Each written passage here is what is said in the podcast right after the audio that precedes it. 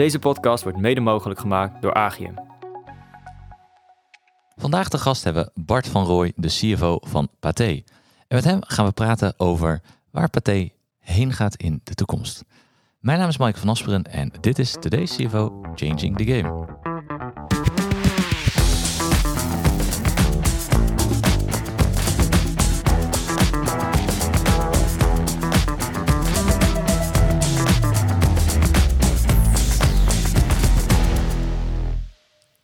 Bart, welkom. Dank je. Leuk dat je er bent. Zin in. En weer uh, vergezeld door eh, Robert. Leuk dat je er weer bent, Robert. Wederzijds. Kijk, na de vorige keer, uh, ja, je wilde gewoon terugkomen, dus daar ben ik blij mee. Zeker, na het mooie gesprek met William Ja. dacht ik, bij Bart wil ik er ook graag Ja. weer bij zijn. Dat gaan we weer doen, dat gaan we weer doen. Hey Bart, eh, als eerste vraag even aan jou, compleet als verrassing natuurlijk. eh, eh, kan je even iets over jezelf vertellen? Ja, Bart Verrooy. eh, sinds bijna vier jaar nu de CFO van eh Pathé. Dus de bioscoopketen in Nederland, marktleider. Ehm, nou, dat is meer wat ik ben dan, dan wie ik ben. Ehm, misschien iets over privé. Ehm, woon in Beeldhoven. Twee kinderen, 9 en 11, twee meisjes. En wij wonen daar sinds, eh, sinds zes, zeven jaar helemaal, naar ons, helemaal naar ons zin. Sport veel, Ehm, zeker sinds eh, corona. Er zijn- ik kan me wel herinneren in coronatijd dat mensen het over coronakilo's hadden. eh, die erbij kwamen. Bij mij eh, vlogen ze eraf. Omdat ik eigenlijk niks beters te doen vond dan eh, veel, te gaan, eh, veel te gaan sporten. Ehm, nu bij Pathé. Eigenlijk eh, heel lang voor, op en voor Schiphol gewerkt. De Schiphol, Schiphol groep. Schiphol zelf zeg ik altijd, eh, altijd maar. Ehm, en ik ben eigenlijk na mijn studie begonnen ik ben klein begonnen. Bij kleine ondernemende eh, bedrijfjes, twee, eh, twee wat kleinere bedrijven. ehm, waar je wel meteen een hele brede eh, functie en verantwoordelijkheid hebt. Ik was nou, vrij snel na mijn afstuderen finance director bij Interlace. Werving selectie, executive search, detachering. Enorm leerzame tijd. Want ja, je had, je had niemand anders behalve finance. Hè. Finance Ja. was, was, was ik. En er zat een directeur, groot aandeelhouder, ehm, die nou, iedere week met een nieuw idee naar binnen stoof. En eh, dan aan mij om dat, eh, om dat verder, eh, verder te regelen. Enorme leuke, leerzame tijd. Ehm, de, de tijd dat werving en selectie tegen, de, tegen de klip omhoog groeide. Ehm, internet, de internethype. Hè. Toen heette het nog niet internethype, maar achteraf zijn we het internethype gaan, gaan noemen. Ehm, dus daar heb ik, eh, nou, heb ik de eerste jaren doorgebracht. En toen toch wel bewust gekozen voor een wat grotere onderneming, Schiphol, Schiphol Groep. Om iets meer een context te hebben, zeker op dat financiële vlak. Eh, en ook mensen om je heen te hebben waar je weer wat van kunt eh, leren. En dat is natuurlijk bij, bij een kleiner bedrijf veel, eh, veel lastiger. Dus daar heb ik eigenlijk het hele bedrijf wel zo'n beetje gezien. Zowel de operationele kant, eh, wat meer de vastgoedkant. En als laatste als finance director van alle commerciële activiteiten op de luchthaven.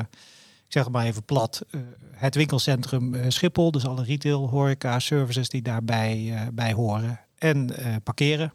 Dus eigenlijk nou onderdelen op de luchthaven waar, waar we geld mee, mee verdienen.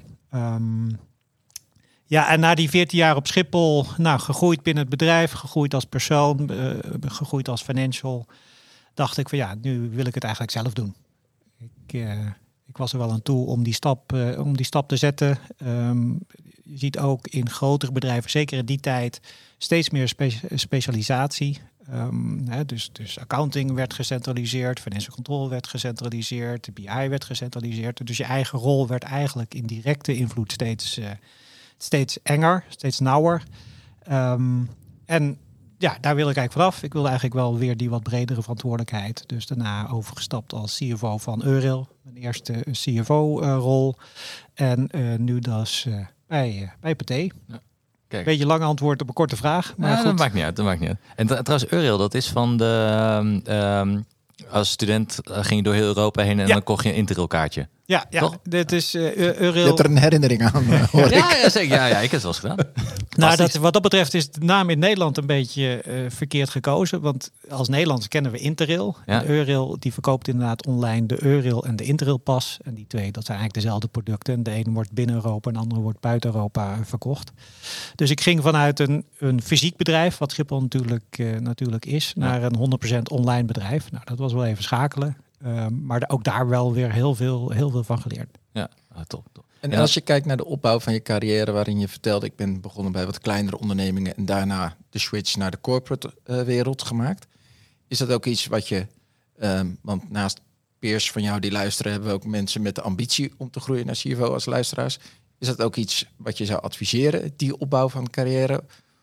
Of kijk je daar nu Ja, terugkijkend? Eh, voor mij, heeft, voor mij heeft het gewerkt. En ik, ik, ik, vond dat heel, ik vond het heel leuk. Ik vond zeker in die begintijd dat je, dat je in, in zo'n kleine setting toch wel een hele brede verantwoordelijkheid krijgt. Dat vond ik, eh, vond ik heel leuk.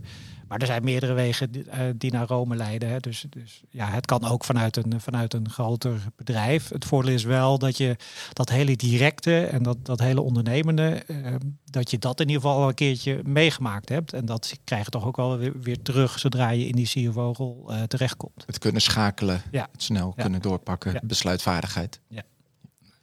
En op Schiphol, ja, sorry Michael. dat Ja, nog nee, ik wil eigenlijk nog, nog aan jou zelf vragen. Misschien wil je nog even iets over jezelf vertellen voor degenen die de vorige keer gemist hebben. Ja, tuurlijk. Ja, dat, dat leek me nog leuk. Ik dacht het draait om Bart, dus laat ik Bart. Ja, centraal zetten. Maar Nee, ik lijkt me graag ook even eh, introduceren. Robert van Adrichem, eh 47 jaar, woonachtig in Blijswijk samen met mijn vrouw en drie kinderen.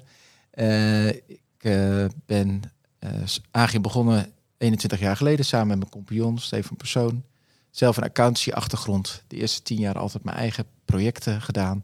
Als eh, interim controller eh, of eindverantwoordelijk financieel directeur.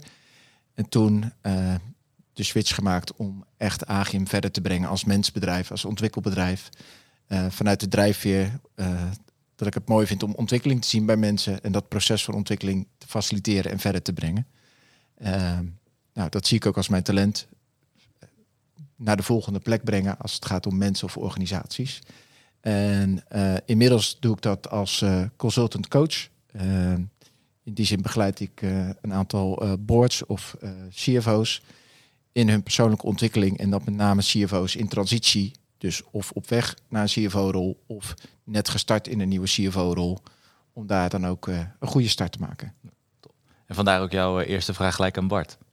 En daar vandaag ook gelijk mijn eerste vraag aan Bart. En de tweede vraag ligt ook wel in die lijn. Want Bart gaf aan bij CFO gegroeid ook als mens. Welke transitie heb je daar met name als mens gemaakt? Welke groei staat je daar het meeste van bij? Jeetje. Ehm, nou, ik denk, ik denk uiteindelijk dat het ook een stuk om eh, loslaten gaat. Dus dat je niet meer alles zelf in de details kunt, eh, kunt beheersen. Dat je mensen onder je hebt die bepaalde aspecten gewoon beter kunnen dan, eh, dan ik kan. Ehm, ik denk dat dat wel een belangrijke stap is die je, die je moet maken. Dat je dat, dat, je dat loslaat. Hè. Dus eh, je kunt niet op alle vlakken de ultieme expert blijven als, als CFO. Daar, eigenlijk wordt, wordt het belangrijkste is dat je de- de goede mensen selecteert. Hè? Dus de goede mensen vindt en de goede mensen selecteert en die in de goede omgeving zet waarin ze kunnen, kunnen excelleren. Ehm, en, als, en als je dat voor elkaar hebt, ja, dan eh, dat, dat is eigenlijk de belangrijkste stap die je moet, eh, moet maken. Is dat een les die jij geleerd hebt omdat je zag dat managers het niet loslieten eh, en te veel zelf wilden doen? Ja, die, die voorbeelden heb ik al om me, om me heen gezien. Dat, dat, dat collega's te lang en te veel zelf in die details blijven, blijven zitten. Ja, dan, dan, dan loop je jezelf eh, voorbij. Hè? Dat, dat, kan niet. Je kunt niet het werk van, van zeven specialisten blijven, blijven doen. Dus je moet daar keuzes in maken. En tegelijkertijd moet je natuurlijk ook wel het overzicht houden en weten waar de, waar de risico's liggen. En waar, eh, waar je dus wel even mee moet kijken en waar je eh, het, het, eh, het los kunt laten. En is dat het vingerspitsengevoel wat je door ervaring opdoet? Ja, ik denk dat dat wel een belangrijk stuk, eh, stuk ervaring is. Dat je, dat je toch wel heel snel zeg maar, het, het, een risico in kunt schatten. Kunt, kunt inschatten van ja, is dit nou een echt risico? Is een groot risico waar ik me mee moet bemoeien? Of is dit iets wat mogelijk eh, kan gebeuren, maar wat feitelijk een hele, hele kleine kans heeft? Ehm, en ik denk dat ja, dat, dat is wel iets wat continu in mijn hoofd speelt. Van oké, wat, wat gebeurt er? Wat komt er voorbij? Ehm, is, dit, is dit groot? Kan dit groot worden? Is dit, is dit acuut? Eh, of is dit iets wat eh, echt over, zich over de komende jaren gaat, eh, gaat ontwikkelen? En is dat voor opportunities hetzelfde? Of zijn risico's toch anders dan opportunities? Hoe je daarmee omgaat? Ja, ik moet eerlijk toch. Je zou, ik ben geneigd te zijn om te zeggen dat dat is hetzelfde, maar dat voelt toch anders. Uh, ja, want als je een risico aan de uh, echt, echt aan de, aan, aan de risicokant mist, uh, ja, dan kan het natuurlijk wel heel snel misgaan. En als je een opportunity mist, um, dan kan het heel langzaam misgaan. dus dat, dat is uiteindelijk wel een, wel een verschil. En um, je vertelde dat je, je hebt op een gegeven moment de stap naar Pathé gemaakt. Wat was voor jou die reden om die stap daar naartoe te maken? Vanuit je, want je had eigenlijk een CFO-positie bij Uril. Was je daar dan klaar op dat moment? Nee, maar daar gebeurde eigenlijk wat uh, nou ja, buiten mij. De, met name vanuit de Raad van Commissarissen die een ander, uh, ander beleid voorstond. Waar ik het niet mee eens was. En ook de manier waarop ze dat wilden gaan introduceren, implementeren, was ik het niet mee eens. Ja, en dan kom je op zo'n moment dat je denkt, ja, heb ik nou principes of heb ik die niet? En als je principes hebt, ja, dan moet je daar op een gegeven moment ook de, de consequentie van, uh, van nemen. Dus toen ben ik, uh, ben ik daar weggegaan. Ik was daar nog niet klaar.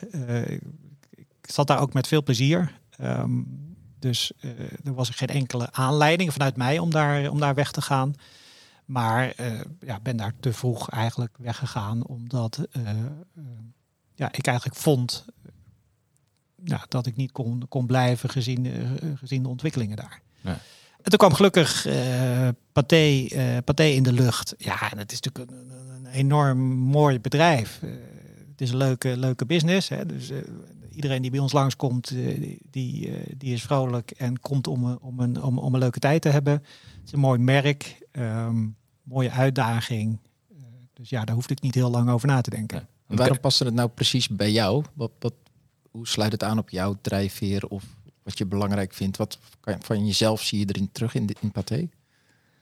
Nou, waar ik, uh, daar kwam ik misschien pas achter toen ik al bij Pathé uh, zat, is dat als je naar mijn ervaring kijkt, en zeker, de, zeker Schiphol en Euril, hè, dus van een, van een fysieke omgeving naar een 100% online omgeving, um, is Pathé eigenlijk de combinatie van, van, van allebei. Dus we hebben, uh, nou, volgende maand wordt onze dertigste uh, theater geopend. Dus onze dertigste bioscoop wordt geopend.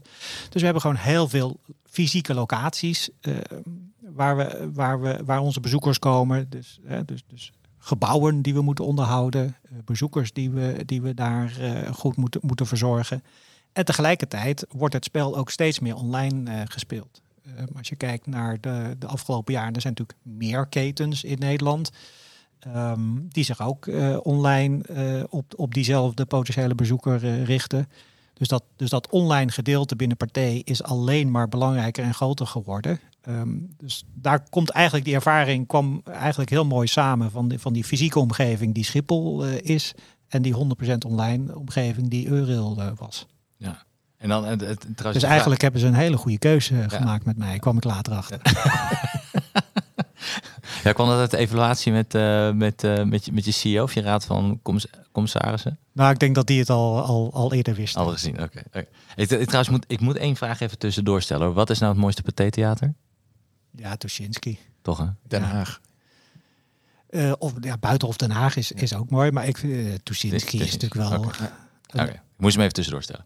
Hey, um, kan je trouwens heel even iets vertellen over de structuur van Pathé? Want dat is misschien wel interessant om te, uh, te weten, ook voor de luisteraars en voor het vervolg. Want Pathé is in principe niet een Nederlands bedrijf. Nee, nee Pathé is, is een Frans bedrijf. Er zit een, een Franse, Franse moeder in, in, in Parijs. is ook een, van oorsprong een Frans, een Frans, Frans bedrijf. die is al meer dan 125 jaar geleden opgericht door de gebroeders Pathé die de wondere wereld van de film naar de mensen wilde, wilde, wilde brengen, of van het bewegende beeld op dat, op dat moment. Um, is ook heel groot in, in Frankrijk. En eigenlijk als tweede land uh, daarna is, is Nederland heel groot. Dus er zijn ze op een gegeven moment uh, hebben ze in Nederland een aantal overnames, uh, bioscopen overgenomen. En zo zijn ze, zo zijn ze Nederland binnengekomen en, en heel hard gegroeid. Zowel door overnames als door zelf, zelf bioscopen te, te bouwen.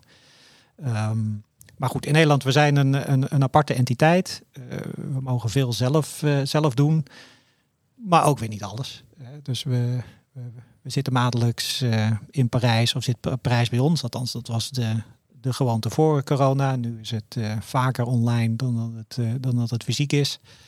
Um, om met elkaar over de markt in Nederland, de strategie en de resultaten te, te spreken. Ja, en, en jij bent samen met de CEO de, de, de statutaire bestuurders in, in Nederland?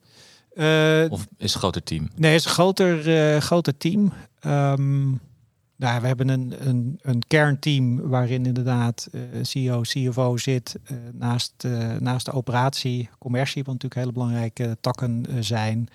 En business development, dat is eigenlijk een nieuwe uh, nou, misschien de business development aan zich is niet nieuw, maar we hebben er nu wel uh, gezegd, ja, uh, in deze markt is dat dermate belangrijk dat we, het, dat we daar echt mensen voor hebben vrijgemaakt om um, nou ja, aan business development, hè, dus nieuwe ontwikkelingen te doen die wij kunnen gaan gebruiken in onze, in onze bioscopen.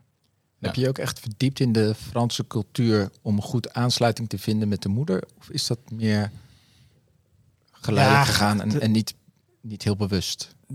Niet heel bewust. Kijk, dat is wel een. Als je daar met andere mensen over spreekt die daar ervaring mee hebben, die zeggen: waar begin je vredesnaam aan? Ja, dat hoor ik vaker. Dus vandaar ja, mijn dat, vraag. Dat hoorde ik ook uh, vaker. Um, ja, ik heb altijd zoiets van: God, ja, weet je, zo erg kan het toch niet zijn. Het zijn, het, het zijn ook mensen. Ze spreken alleen een andere taal. Nou, het voordeel wel bij binnen partijen is dat ze allemaal goed, uh, goed Engels uh, spreken. Um, dus, dus daar in die communicatie zit dat, zit dat goed.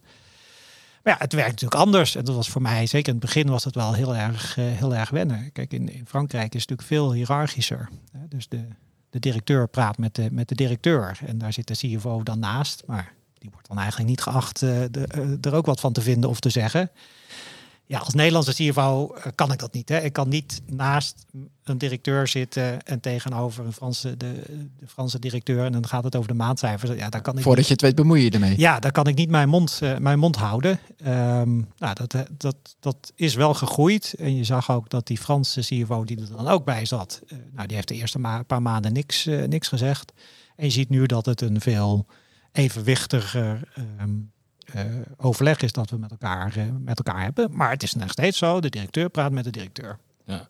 Ja, het, het grappige was dat Steven Zaat in een, uh, een, een, eerdere podcast, die CFO is bij Air France KLM, eigenlijk zei dat die verschillen die vallen eigenlijk wel mee. Maar Nederlanders zijn ook wel internationaal gezien een apart volk dat, dat het bij ons die hiërarchie, dus wij zijn een van de weinige landen waar die hiërarchie eigenlijk een soort van niet helemaal geaccepteerd wordt. Terwijl het in heel veel andere landen heel normaal is. En wij eigenlijk een soort van de vreemde eend zijn. Ja, nou, ik denk dat dat ook, ook, ook echt wel is. Kijk, bij Eurail uh, waren ook heel veel nationaliteiten. En de, de Raad van Commissarissen, daar zaten acht verschillende nationaliteiten in. Dus daar, daar zag je wel een beetje, beetje hetzelfde. Maar ja, dat is, wij zijn natuurlijk opgegroeid zoals we zijn opgegroeid binnen de Nederlandse context.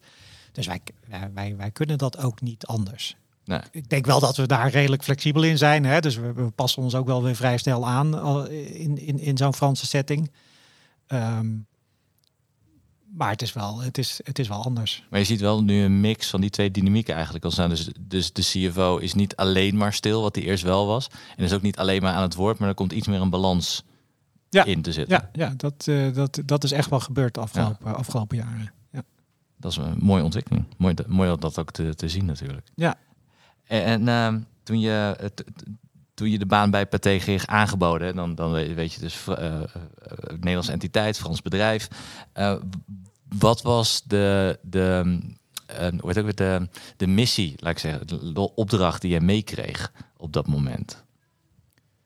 Um, nou ja, even, even de context schetsend. Uh, dit was 2000, april 2019. Ja. Nou, 2019 was het beste jaar ooit in de, in de bioscoopbranche in Nederland. Um, dus ja, er waren geen problemen, er ja. waren geen, geen wolken aan de lucht. Hè, als je het puur vanuit, uh, vanuit de externe context en de, strategie de wil om bekijkt. hard te groeien. Dat, dat, de wil om hard te groeien, want we hebben in 2019 uh, nog een hele grote overname gedaan met Euroscoop bioscopen.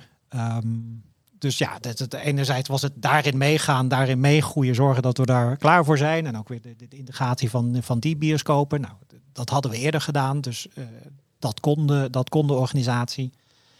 Um, als ik naar mijn eigen team keek, hè, als ik naar de finance organisatie uh, keek, dan waren er wel een aantal aandachtspunten um, waarvan ik vanaf het begin heb gezegd van nou, dat, dat zijn wel belangrijke punten die eh, die anders dan wel beter, eh, beter moeten. Um, accountingteam had het moeilijk. Ehm, nou, zoals ik het zeg, de happy view, de happy flow ging, ging goed. Hè? Dus, dus, dus als iets klopte, dan, dan, dan ging zo'n factuur ook heel makkelijk door zo'n proces. Maar OW, als er wat mee was, ja, dan, dan, kon het, dan, dan zakte het hele systeem in elkaar. En dan kon het zo een paar maanden verder zijn voordat je als leverancier betaald uh, kreeg. Um, dus de focus op, op zeg maar, het continu verbeteren, hè, dus iedere dag weer een stapje beter. Um, ja, dat is iets wat ik erin wilde, wilde brengen, zodat we ook al die processen steeds, steeds beter en steeds efficiënter en steeds sneller zouden kunnen, kunnen, kunnen uitvoeren. Um, risk management was een belangrijke. Um, daar was ook wel een behoorlijke, behoorlijke achterstand. Dus als je puur kijkt naar welke processen hebben we, welke risico's zitten daarin, worden die beheerst, die risico, worden die, worden die, ge, die beheersmaatregelen, zijn die er, zijn die effectief? Nou, daar hebben we nu um, echt wel een heel mooi systeem uh, voor, uh, voor ingericht, waarin we dat gewoon continu monitoren, samen met de proceseigenaren. Uh, waar staan we daar? Zijn we nog in control of moeten we daar dingen, dingen verbeteren? Uh, business control was een belangrijk speerpunt. Um, er was wel business control, maar zoals ik het uh, ook, ook wel vaker heb gezegd, um, ja, dat waren business controllers die zaten te veel tegenover de business in plaats van dat ze naast de business zaten. Dus vaak te laat ergens bij betrokken werden. Um, ja, op het moment dat er een business case gemaakt moest worden, er ergens bij een, uh, bij een initiatief betrokken werden. En dan ben je over het algemeen wel laat. Um, dus het doel was om die mensen veel meer samen met de business te laten, uh, gelijk, op te laten, gelijk op te laten lopen. En ik denk dat de laatste, het laatste speerpunt dat dat uh, data BI, BI was. Daar hebben we ook echt wel hele grote stappen in gezet de afgelopen jaren, zowel in het ontsluiten van de data als het gebruiken van, van data. Nou, daar zijn we natuurlijk niet uniek in. Maar zeker als je, uh, als je, als je, je realiseert dat die online uh, kant van het bedrijf steeds belangrijker wordt, ja, dan is data daarmee ook uh, cruciaal. Doe je met online het online tickets verkopen of het ook het online kijken en de online kijkbeleving? Ja, als, ik, als ik het over Pathé en online heb, dan heb ik het primair over inderdaad online ticketverkoop. Dus, dus, dus mensen naar je app, naar je website krijgen, conversie, conversie realiseren. Dat, is, uh, dat is waar ik het dan met name over, over heb. In die tijd, Pathé Thuis, was nog een, een, een minderheidsdeelneming van ons. En dat is natuurlijk het, het bekende Pathé-kanaal, wat, wat mensen thuis ook, ook kennen. Om, om online thuis films, films te kijken. En dat is ook een ontwikkeling in corona geweest, dat we uh, eind 2021 uh, Pathé thuis ook weer, nou we zeggen het, terug naar de Pathé-familie ja. hebben gebracht en, en, en, dat overgenomen hebben. Maar als je dan, uh, eigenlijk zijn het vier onderdelen die je aan wil pakken. Dat klinkt dan als, als best wel veel als je daar gelijk mee wil starten. Dat, ben je gelijk met alle vier gestart? Heb je een selectie gemaakt in prioritering? Ja, ik denk, ik denk uiteindelijk wel met alle vier gestart. Uh, wil niet zeggen dat ze alle vier even snel van start gingen. Um, um, en het wil ook niet zeggen dat ze alle vier al op hetzelfde, op hetzelfde niveau zijn nu. Uh, dus daar hebben we ook wel, ook wel best, wel wat, best wel wat verschil in, uh, in gezien. Um, als ik kijk naar bijvoorbeeld accounting, ja, dat, dat is een belangrijk speerpunt. daar zijn we nu het afgelopen half jaar eigenlijk pas de grootste stappen aan het, aan het zetten. En daar heeft ook corona wel weer, wel weer een rol in, uh, in gespeeld. Een vertraging heeft dat Een vertraging veroorzaakt, ja. He, dus, dus op dat moment moesten we natuurlijk ook juist met, met minder mensen. Dan heb je ook minder tijd om bezig te zijn met die, met die vernieuwing en met die automatisering dan we, dan we onszelf nu uh, gunnen. Ja. En, en hoe, hoe pak je dat nu dan aan? Hoe zorg je ervoor dat die mensen de tijd en de aandacht hebben om met continu verbeteren bezig te gaan? Um, ja, er zit nu een andere, een andere manager op. Um, die, is, die is daar heel bewust uh, mee, mee bezig. Die is eigenlijk ook boven de formatie daarop, uh, daarop gezet. Dus die heeft daar ook de, de tijd voor om samen met de mensen. Ja, en op een gegeven moment is het ook gewoon een kwestie van doen. Hè? Dus is het ook gewoon een kwestie van die tijd reserveren, die tijd opeisen om, uh, om met die verbeteringen bezig te zijn.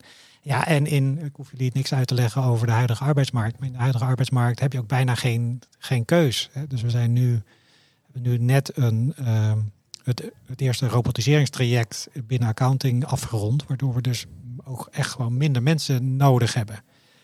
Ehm, ja, en die mensen die hadden we ook niet. Hè? Dus die, die zijn in de huidige arbeidsmarkt ook gewoon ontzettend lastig, uh, lastig te vinden. Dus het is ook bijna geen keuze om dat soort, uh, dat soort ontwikkelingen um, te gaan implementeren. Er zit ook wel een aantal aandachtspunten in waar houding, gedrag uh, en van, van mensen hè, en samen is dat dan weer cultuur ook een rol lijken te spelen in continu verbeteren. Het is ook een mindset, ehm, maar ook de rol van business control.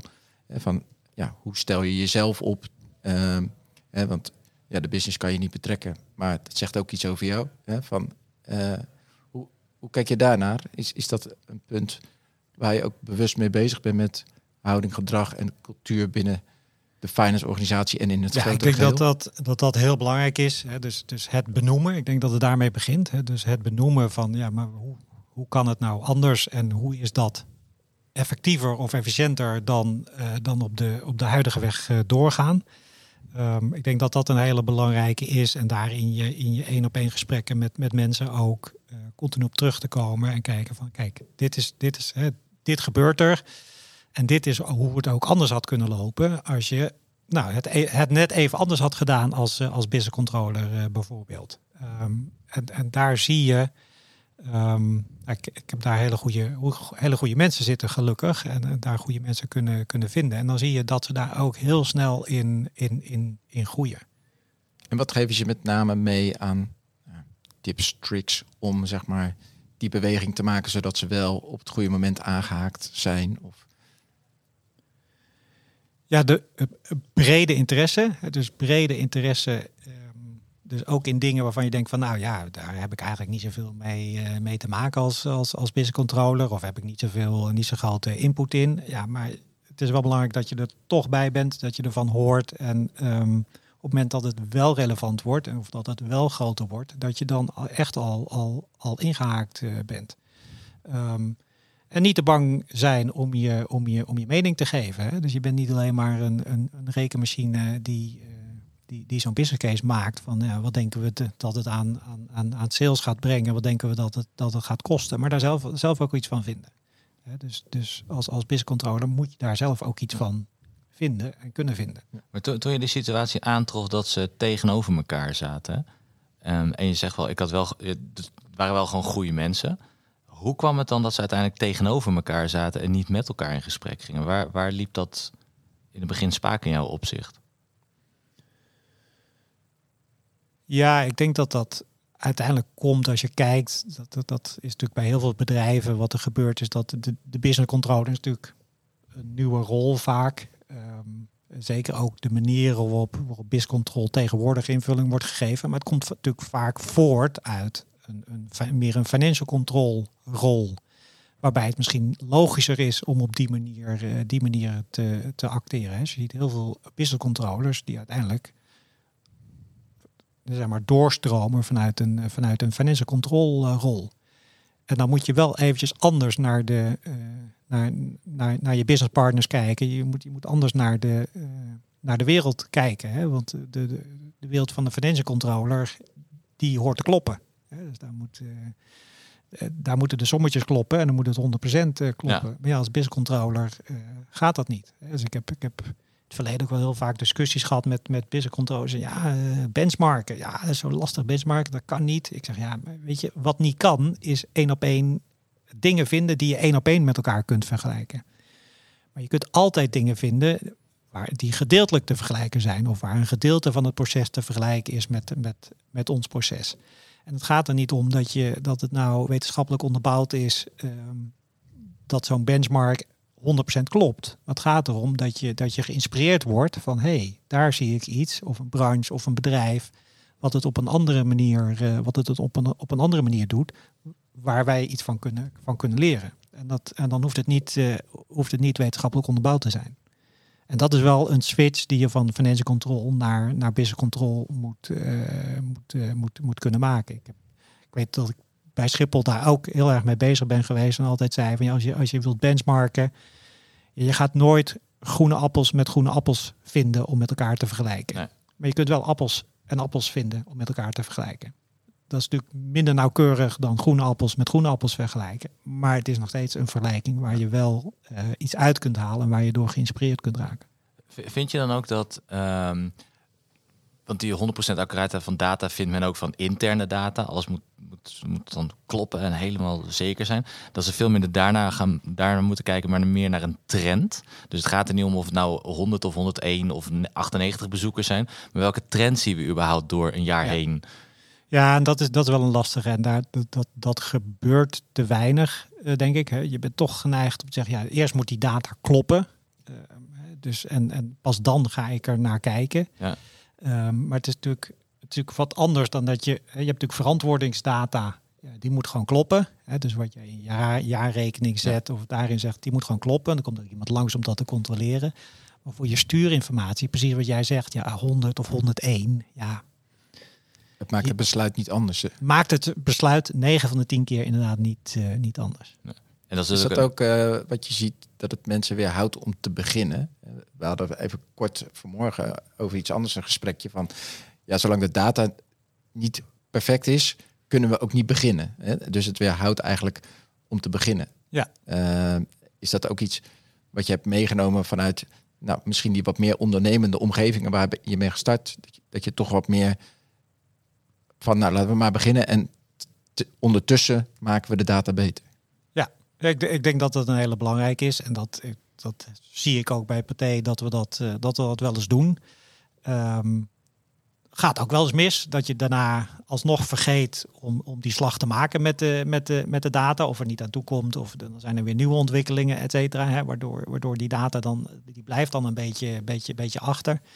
Ehm, dus ja, van, je moet een beetje van allebei hebben. Dus eh, het, het hoeft niet eh, perfect te zijn voordat je begint. Maar je moet ook niet vergeten om het later alsnog wel goed, eh, goed Ja. te krijgen. eigenlijk weer die continu verbeterprincipe Ja. erin krijgen. Ja. Ja. En in hoeverre heeft het geholpen dat COVID uitbrak om die business controller naast die businessman te hebben? Ja, ik vind, ik vind het lastig in onze branche om te, he- om te hebben over COVID als iets, als iets positiefs. helpends. Eh, of iets, iets wat, wat geholpen heeft. Het was natuurlijk voor ons, eh, de- meerdere branches hebben er last van gehad. Als je kijkt naar, naar bioscoop, theaters, horeca, ja, dat, dat zijn toch wel, wel branches die, Ja. die, die harde klappen hebben, hebben gehad. Ik moet zeggen dat je zit toch een beetje in, in, in, letterlijk in een bubbel in die, in die COVID-tijd. Dat ik eind 21, dus eind van het tweede jaar COVID, toen kwamen er weer een beetje congressen. En dan ging je weer, kon je weer andere mensen ontmoeten. Dat voor mij echt een eye-opener was dat er heel veel bedrijven waren die er gewoon geen last van hebben gehad. Dus die er financieel in ieder geval, als mens misschien wel, maar die er financieel geen last van, eh, van hebben gehad. Nou, wij hoorden die, tot die categorie die er eh, eh, toch wel behoorlijk door, eh, door getroffen zijn. Ehm, maar inderdaad, hè, dus, dus COVID heeft een aantal dingen versneld en heeft ook wel een aantal, di- aantal positieve dingen opgeleverd. Ehm, en dat, en dat, dat, dat snellere schakelen en dat, dat continu vooruitkijken en niet zeg maar de bestaande eh, status quo aanvaarden als van ja, zo, zo is het en zo zal het in de toekomst ook, ook wel gaan. Maar veel meer in scenario's denken van oké, maar het kan ook een andere kant op gaan. Hè? Dus de markt kan zich ook anders gaan ontwikkelen. En dat is natuurlijk wat we als, als bioscoop eh, de afgelopen eh, twee, drie jaar ook, ook, ook echt wel gezien Ja. hebben. Want je zei ook in een interview van wat we als finance team hebben geleerd is veel sneller en nauwkeuriger forecasten. Ja, tegelijkertijd is het, is het ook lastiger geworden om te forecasten. Dus je moest er ook beter in worden. Want ja, in, in 2019 was het ook niet heel ingewikkeld om te voorspellen wat een film eh, ging doen.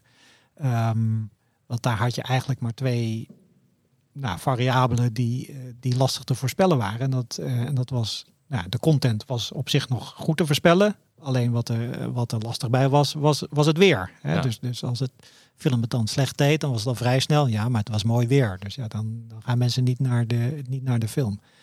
Ehm, en we waren ook veel minder aan het forecasten. Want het was gewoon veel, veel, een veel stabielere business dan wat het, dan wat het nu is. Eh, Minder urgentie.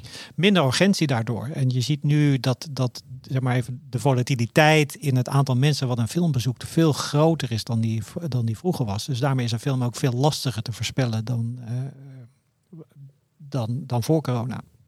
Maar je forecast is dan waarschijnlijk ook wat, kort, wat meer kortere termijn uh, geworden door die ja. verschillende besluiten die er, die er genomen werden. Dus je leert dan ook om, om snel in te springen op veranderingen. Dat is natuurlijk ook een bepaalde mindset die wel lekker is voor mensen. Als vaak ja, wat gebeurt, dat... schieten in een soort van houding. Ja, en dat, dat, dat geldt wel voor, voor het hele bedrijf. Hoor. We hebben als partij in die twee jaar wel uh, binnen het hele bedrijf dat continue schakelen. Ik, ik, ik noem het altijd rennen, rennen, stoppen, rennen, stoppen. Het was echt letterlijk van persconferentie naar persconferentie. Van ja, welke aanvullende maatregel komt er nu weer bij? Of welke maatregel gaat er af? En wat betekent dat ons voor ons in de operatie? Wat betekent dat voor de bezoekersaantallen? Um, ja, dat, dat, het was, wat dat betreft was het wel twee jaar topsport. En je merkt ook echt aan het eind van, uh, van 2021 ja, dat mensen er ook echt wel doorheen zaten. Toen kwam er in, eh, in december, november, december 21 natuurlijk weer een lockdown. Ja. Uh, toen, toen, voelde je echt de energie uit het bedrijf uh, wegzakken. Dat mensen dachten, ja, dit, dit hadden we gehad. Niet weer, niet weer dit. Nee, nee. Wat betekende dat voor jou in, in dat moment? Daar had ik ook last van. Ik, ik, moet zeggen dat die, die laatste lockdown, die kwam, die kwam bij ons heel hard aan was ook een beetje, om de, de fase daarvoor was al heel erg frustrerend. Hè? We hebben alle fases van ongeloof uh, tot acceptatie, tot woede, hebben we allemaal gehad.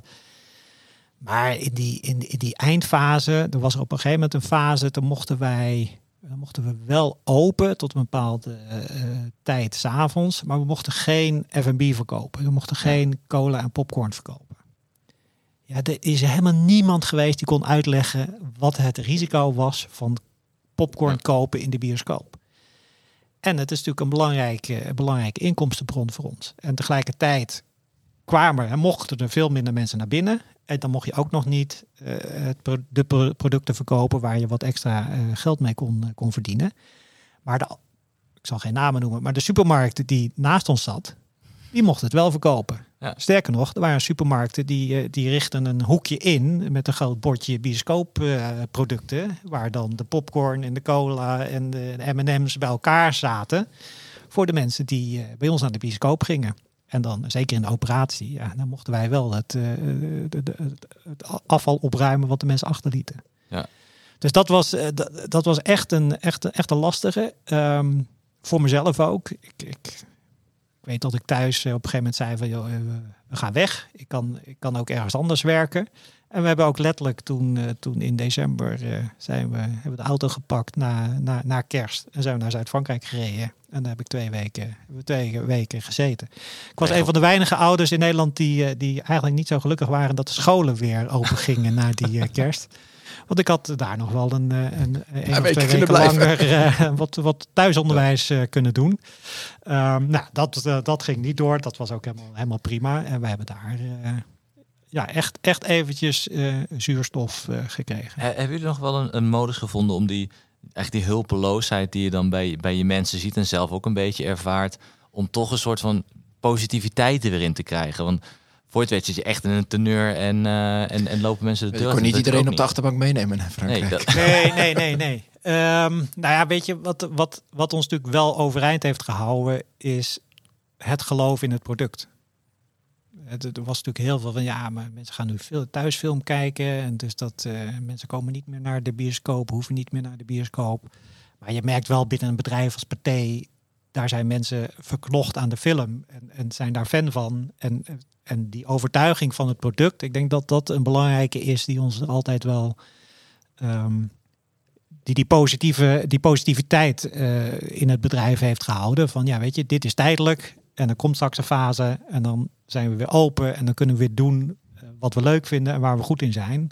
Namelijk uh, onze, onze bezoekers gewoon een, een leuke avond bezorgen. Um, en ik denk dat dat uh, uiteindelijk een hele, een hele belangrijke is, uh, is geweest. Ja, en onderliggend had iedereen natuurlijk behoefte aan uitgaan. En dit is natuurlijk een van die vormen om een avond uit te gaan. Ja, ja, ja.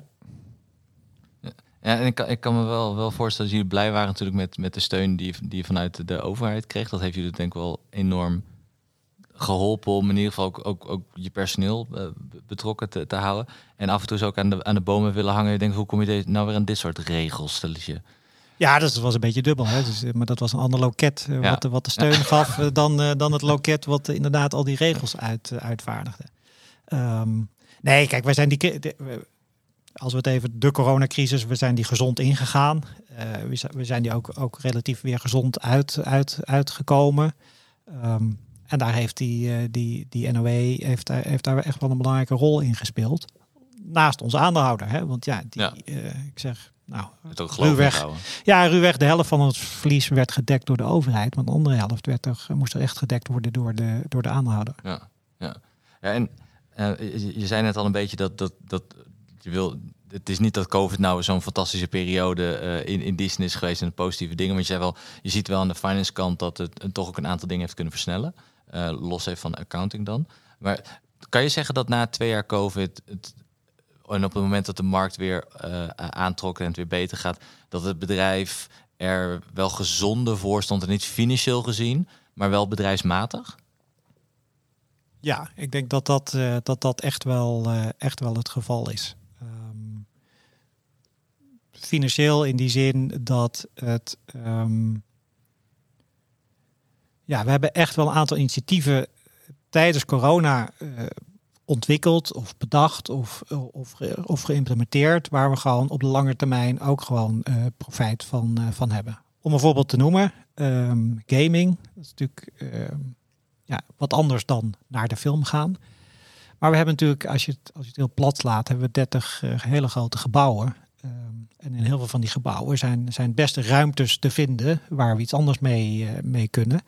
Ehm, dus we hebben in corona, en daar ben ik nog steeds gewoon wel, wel, wel trots op, een collega uit de directie eh, bij ons, ehm, die heeft dat als een soort projectje gestart. En hebben we een joint venture opgericht met een belangrijke gamingpartij, H20 in, eh, in, in Nederland. En zijn we eh gamecenters in onze bioscopen gaan, gaan bouwen. Nou, daar hadden we natuurlijk nul verstand van, van gamen. Ehm, maar we hebben het wel gedaan en samen met die partner. En nou, nu al op vijf, zes locaties in, in Nederland kun je dus in de bioscoop eh, gamen. Zowel eh, PC-gaming als eh simracing. Hè, dus wat, Ja. wat iedereen kent van, PlayStation de, van, waarschijnlijk, de, van, de, van, de, van de Formule 1. Ja. Ehm, en daarmee boren we ook weer een nieuwe, nieuwe doelgroep aan. Hè. Zeker die jongere doelgroep. Ehm, ik denk dat dat een, een lastige doelgroep is, eh, is om aan te boren. Maar met dat gaming juist, eh, juist wel. En ook daar zie je wel, hè, ja, wat is, waarom zou je nou naar de bioscoop gaan om een film te kijken? Nou, dat, daar kan ik nog wel een half uur over praten waarom je dat, dat zou moeten doen. Maar, zeg maar het sociale aspect daarvan, dus het met, met, samen met elkaar ervaren, dat geldt dan natuurlijk eigenlijk ook voor gaming. Hè. Dus je ziet dat er ook behoefte is om met elkaar te gamen. En niet alleen met elkaar te gamen, ik eh, zit online hier en jij zit online eh, thuis en eh, een paar kilometer voorop, verderop met de koptelefoon op. Maar dat je ook elkaar kunt zien en aanraken en aan, aan kunt stoten van, weet je, gaat goed, aanmoedigen, et cetera. Dus ook daar zie je dat, ehm, dat uiteindelijk de mens natuurlijk een, een sociaal wezen is die behoefte heeft aan die, eh, aan die, aan die interactie. Ja. Dus in die zin past het ook bij elkaar. En dat speelt dan ook nog bij dat, dat je hebt heel veel games die weer de basis zijn voor een film, of films die de basis zijn voor games. Dus ja, zeker er, tegenwoordig. er is ook echt, eh, echt kruis, eh, kruisbestuiving. Ja. ja. Ei- eigenlijk jullie producten, we denken altijd, Pathé is een, is, een, is een bioscoop en films is een product. Maar eigenlijk is jullie product beleving, toch? Ja. En of dat dan middels, een film is of... Middels film. Hè, dat, Ja. uiteindelijk is dat natuurlijk wel eh, een, een heel belangrijk onderdeel. Maar we proberen dat ook te verbreden in diezelfde zaal. eh, met, met, met, met, een, met een opera of met sport of met, Ja. met, met concerten. Ehm, eh, voetbalwedstrijden. Dus daar zie je ook gewoon dat er behoefte is om het met elkaar te beleven. En met elkaar te beleven in, een- in een omgeving die, waar de kwaliteit gewoon goed is. Hè? Dus goed geluid en goed Ja. scherm. En ja, weet je, daar, die, die discussie wil ik, met, wil ik met iedereen aan en kan ik met iedereen aan. Thuis een film kijken is gewoon anders dan in de bioscoop een film kijken. Ehm, ik weet niet hoe het bij jullie is, maar als ik thuis, ik kan thuis op de bank geen film kijken zonder dat ik niet af en toe op mijn telefoon kijk. Ja. En in de bioscoop ben je gewoon weg. Ben je gewoon weg. Nou, eventjes een soort escapisme. Hè? Dus een weg van deze wereld. En je wordt gewoon echt ondergedompeld in zo'n in zo'n film. Ik heb in 2019 eh, Joker gezien. Nou, geweldige film voor als je hem nog niet hebt gezien. Kijk hem dan maar thuis. Ehm, Pathé thuis.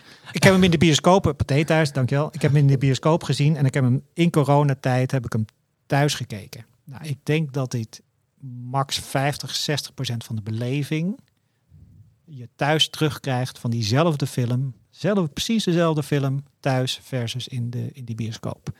Dus dat, dat is, en dat, dat zie je ook gebeuren. Als je kijkt nu naar Avatar. Ehm, ja, dat is ook een film. Ja, uh, sorry als je hem thuis gaat kijken. Ja, het, Tuurlijk, het is je goed recht.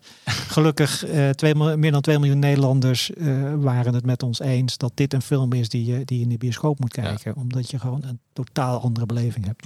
Maar dat, dat, is wel, dat, dat vind ik trouwens wel interessant. Hè? Want um, uh, je zei het net ook al, en je hebt het interview ook wel gezegd dat bioscoop is vaak als ten dode opgeschreven. Ik denk dat films als, als Avatar, dat, dat, dat zijn de films die in de bioscoop moet kijken vanwege het, visu het verhaal, ja boeien. Het visuele spektakel is, is, is fantastisch. En toch zit met die opkomst van die streamingsdiensten, de, de kwaliteit van films en visueel gaat vaak wat naar beneden, want die budgetten zijn toch anders. Dus, dus wat voor een effect gaat dat dan ook op, op jullie hebben? Want als je minder dat soort films gaat kijken, krijgen, dan is natuurlijk ook de kans dat de mensen minder snel naar de bioscoop gaan.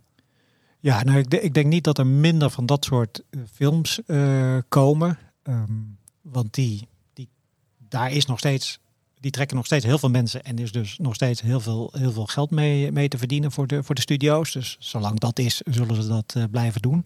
En de bioscoop is ook maar een onderdeel van hun verdienmodel. Hè? Dus de, ja. de, bioscoop is dan, is dan de eerste stap. Maar daarna bij Pathé Thuis of bij een streamingsdienst, et cetera, uh, daar wordt natuurlijk ook nog steeds uh, veel, geld, veel geld verdiend. Um, dus ik denk niet dat we minder van dat soort films zullen kijken, krijgen. Ik denk dat de uitdaging wordt, hoe, hoe krijg je mensen naar de bioscoop voor de films die daaronder zitten. Maar waarbij het ook nog steeds een beleving is. Het is ook nog steeds een uitje. En het is ook nog steeds die kwaliteit die je gewoon natuurlijk uh, biedt als, uh, als, als paté. Maar je bent wel afhankelijk waarschijnlijk van de streamingsdiensten. De, eigenlijk de, de, de, de, de, wordt het de Warner Bros. van deze wereld, die ook een eigen streamingsdienst hebben, die steeds meer dingen misschien voor zichzelf willen gaan produceren? Of zal dat meer Ja, dat is, nou, die, dat is eigenlijk nog niet gesetteld, om het zo eens even te zeggen. We hebben dat in corona hebben we het natuurlijk gezien. Sowieso, als je naar de streamingsdiensten kijkt, voor corona, na corona. Ja, voor corona in Nederland had je Netflix en Videoland. Nou, die hielden zich met name bezig met series, eigenlijk helemaal nog niet met, met films. Nou, Netflix is dat, is dat wel gaan doen. Ja, ondertussen in die twee jaar corona heeft gewoon iedere, iedere studio heeft zijn eigen streamingsdienst ja. uh, opgezet. Um, je zag ook in corona dat er films meteen en exclusief op Disney Plus bijvoorbeeld uh, kwamen. Nou ja, maar dat was natuurlijk een andere omgeving. Er was ook geen andere uitweg. Ja. Nee, precies. En er waren mensen, ook, ook bij ons collega's, die dan uh, zeiden: ja, hoe, waarom doen ze dat nou? Want het is een beetje, een beetje flauw. Wij hebben het moeilijk. En dan krijgen we die film niet eens in de, in de bioscoop. Voelde ja. een beetje als een trap, nou. Zo voelde het een beetje. Maar goed, ik, ik, ik zei ook van ja, maar in hun positie had ik precies hetzelfde gedaan. Want uh, als jij 200, 300 miljoen in een film hebt gestoken en je, je ziet dat je die, dat geld er niet uit kunt halen en je hebt ook je, je, je, je problemen met je cashflow. Ja, dan moet je op een gegeven moment iets of um, op je eigen platform brengen of je, of je gaat hem verkopen. Dat, dat, wat nu Heb ik het goed dat James Bond daar een uitzondering op was? Die, dat ze die in de kast hebben gehouden? Ja, James Bond is inderdaad een uitzondering uh, geweest. James Bond in de kast ze, gehouden. Ze hebben James Bond in de kast uh, gehouden. Ja. ja, wanneer zou die eens uit de kast komen? Hè? Dat zou toch bijzonder zijn? Nou ja, misschien de volgende James Bond. Je weet het niet uh, we wat, daar, uh, wat, wat, wat, daar komt. Nee, maar dat, dat, dat speelveld is veranderd. Um, en er zijn natuurlijk ook steeds meer, er wordt natuurlijk steeds meer content geproduceerd door, uh, door streamingsdiensten, door een HBO en een, en een, en een Netflix. Um, dus er komt minder content naar de bioscoop. En de content die naar de bioscoop komt, komt ook minder lang naar de bioscoop. Um, maar er komt nog steeds voldoende content naar de bioscoop. En dat betekent alleen maar dat wij beter ons best moeten doen. En continu ons best moeten blijven doen. Om die beleving ook te zorgen dat die beleving klopt. Ja. Dat die kwaliteit klopt. En dat die hele customer journey, zowel online als offline, dat die, dat die, dat die optimaal is. Ja. Welke ontwikkeling zie je naar de toekomst met name dan daarin om je te blijven aanpassen aan de ontwikkelende behoeften van de consument? Um, nou ja, wat, wat, wat we doen is, is verbreding in het aanbod. Hè. Dus we proberen um, nieuwe concepten, nieuwe dingen toe te voegen die um, passen in dat avondje uit of die passen in die beleving die je, die je biedt. Dus, dus de gaming, dat Gaming als, als, als, als goed voorbeeld. Ehm, daar hebben we nog een aantal andere dingen waar we de komende maanden mee gaan, uh, mee gaan experimenteren. Dus die gaan we ook de komende maanden op de markt uh, brengen. We gaan uh, in mei gaan we. Um, nou, hij gaat al in april open. Onze, onze, onze, laatste nieuwe bioscoop hier in Ipenburg, Den Haag Ipenburg. En dan gaan we ook echt weer een nieuw concept toevoegen. Um, waarvan we denken dat het weer tegemoet komt aan, aan, aan de behoeften, de veranderende behoeften van, uh, van onze bezoekers. Ja, en ik, ik, ik vind dat even een, een, een, een, vraag op die, strategie. Want je hebt ook in een interview gezegd dat jij, um, ik ben als CFO meer dan de bewaker van de strategie, zoals een traditionele CFO dat vaak is. En ik wil ook in belangrijke mate bijdragen in die uitvoering van die strategie. Hoe merken, hoe merken mensen dat? Dat je die switch hebt gemaakt. Nou ja, dat, je, bent, je bent onderdeel van een team wat verantwoordelijk is voor die, voor die strategie. Um, daar ben ik niet uh, een van de stilste in dat soort, in dat soort discussies. Um, dat zit een beetje in de, in de aard van het, van het, van het beestje. Um, dus je, moet het, je moet het ook een beetje in je hebben. Je moet het ook leuk vinden om, om daar in die breedte over, uh, over mee, te, mee te discussiëren. En wat ik belangrijk vind, is dat we als bedrijf um, dingen proberen, experimenteren, daar, daar wendbaarder in te zijn. Want we waren natuurlijk een bedrijf wat nou, die 30 locaties had. De, de content werd aangeleverd, we hoefden de deur open te doen. Mensen, mensen kwamen binnen. Nou ja, die tijd is natuurlijk uh, veranderd. Dus je moet nou, weer dat continu verbeteren. Je moet natuurlijk continu zorgen dat je, dat je iedere dag weer, weer een beetje beter wordt om die beleving voor die, voor die klant beter, uh, beter te maken. Dan moet je je ook anders organiseren. Nou, dat is ook wel een slag die we uh, de afgelopen jaren hebben gedaan. Hè. Dus, dus, dus nou, het is een beetje, een beetje een modewoord, meer agile, meer, meer wendbaar. Als je het dan in, in, in Nederlands wilt, wilt zeggen. Um, dus door mensen in teams met elkaar uh, gewoon iets te laten, laten doen, bedenken, uitvoeren. Om op die manier uh, de beleving voor de klant uh, te verbeteren. Het klinkt mij ook als walk your talk. Door naast de business te gaan zitten in plaats van tegenover de business. Ja, en als dus, controleur en dus van de vanaf strategie. het begin daarin mee te denken. Hè? Dus mee te denken welke kant zullen we opgaan, wat zullen we, wat zullen we eens gaan doen, welke, welk ex experiment gaan we doen, waar gaan we, waar, waar gaan we iets mee, mee proberen. En daar moet je als finance vanaf het begin uh, bij zitten. Want dat zijn de momenten waarop je nog kunt, uh, kunt sturen. Dan even heel plat gezegd, misschien probeer dan meer het ontwikkelen van kansen te stimuleren dan het mitigeren van risico's? Ja. Okay. ja. ja. Vanaf het begin af aan betrokken te zijn bij het businessmodel wat eronder ligt. Ja.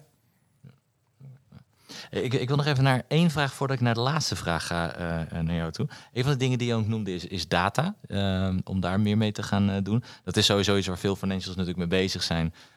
en wat we ook veel horen. Dat data is nieuwe goud en we moeten daar van alles en nog wat mee. Maar het is best wel lastig dat. En toch heb jij ook in een interview gezegd.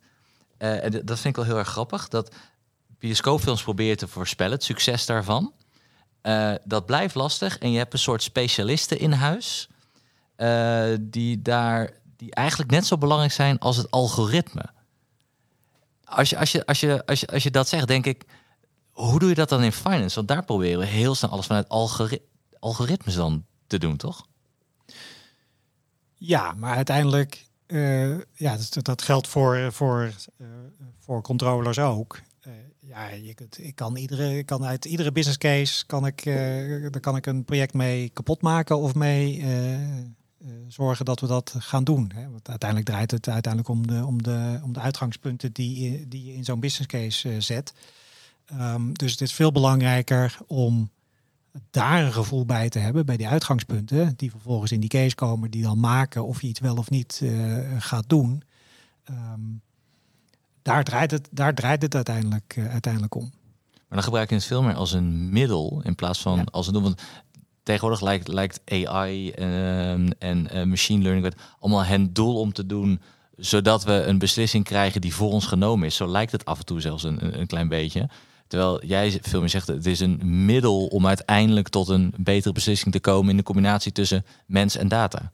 Ja, nee, ik denk ook echt dat het een, dat het een middel is. Hè. Dus het kan, je, het kan je een bepaalde richting opwijzen. Als je in de data uh, dingen ziet, uh, dat we bijvoorbeeld in het ene theater zien, uh, daar wordt, nou, wordt veel meer popcorn verkocht dan in het andere theater. Um, dan kun je natuurlijk dat als startpunt gebruiken om te gaan kijken, oké, maar waar, waar zit hem dat dan in? Daar kan data natuurlijk ook bij helpen. Hè. Ligt dat dan aan het bezoekersprofiel? Hebben ze een ander bezoekersprofiel in de ene bioscoop dan in de andere bioscoop? Maar je moet ook gaan kijken. Want het kan ook zo zijn dat, dat ergens in de layout van die, en dat is wat ik zeg, van het leuke aan Pathé is, dat je zowel die fysieke omgeving als die online omgeving hebt. Dus je moet ook gaan kijken van ja, misschien zit er wel iets in die fysieke omgeving die zorgt dat het uh, bij, bij, bij de ene bioscoop uh, beter verkocht wordt dan, dan bij de andere. En, en op jouw dataafdeling eh, krijg je, dan heb je denk ik ook hele andere mensen, type mensen die daar ja. werken. Maar, en die werken ja, soms, dan... uh, soms uh, snap ik er niks van.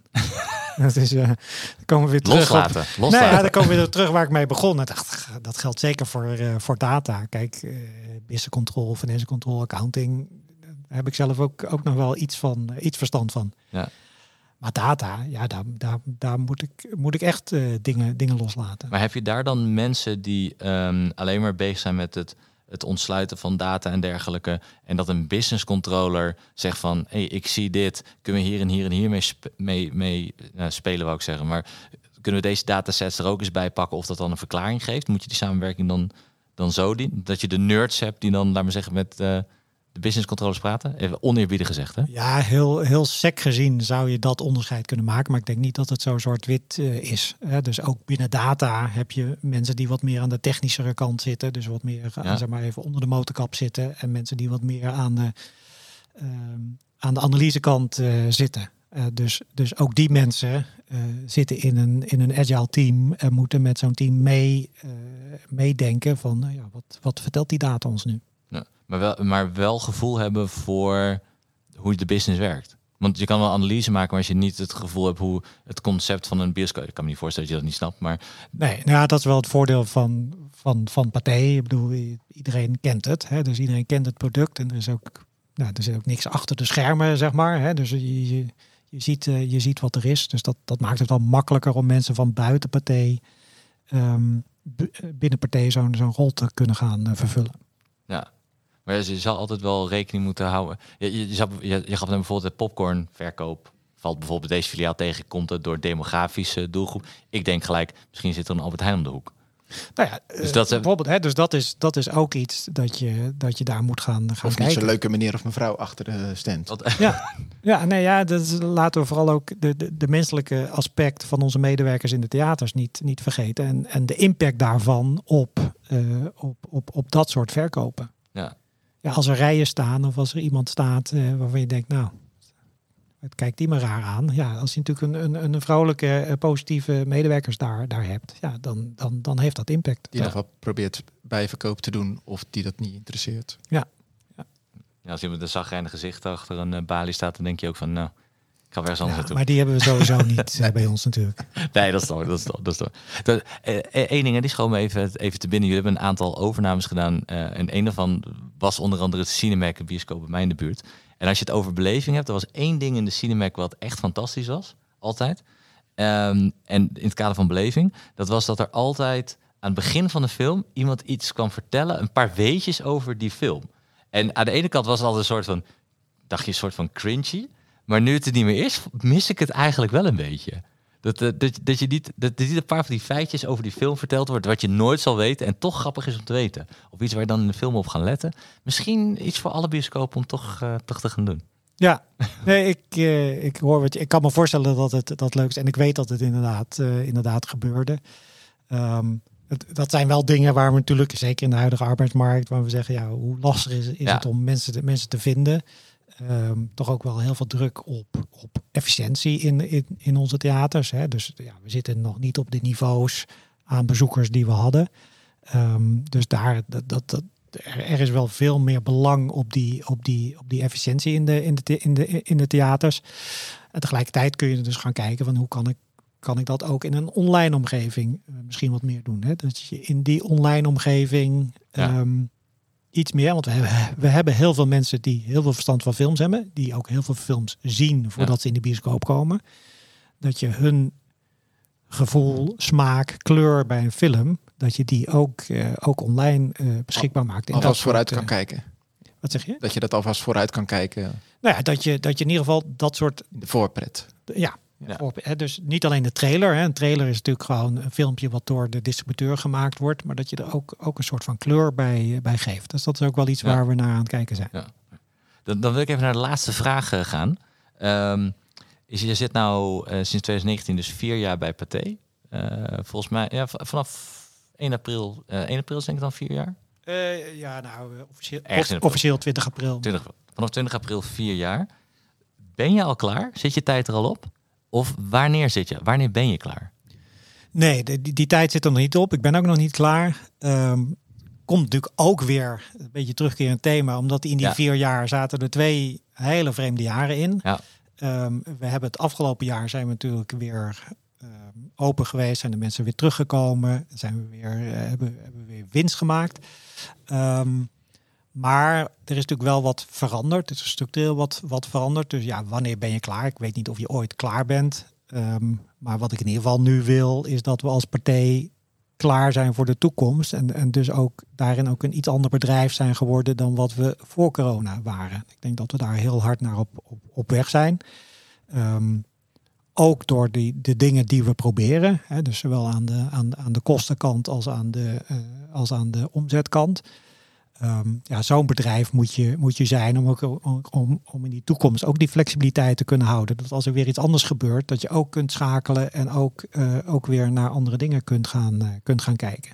Dus dat vind ik belangrijk. En richting mijn, mijn eigen team, eh, ja, ik vind het belangrijk. Ja, wanneer ben ik klaar? Als, als mensen zonder me kunnen, dan, dan ben ik klaar. En op sommige vlakken zijn we al, zijn we al een heel eind. Ja. Maar, maar nog niet helemaal. Nee.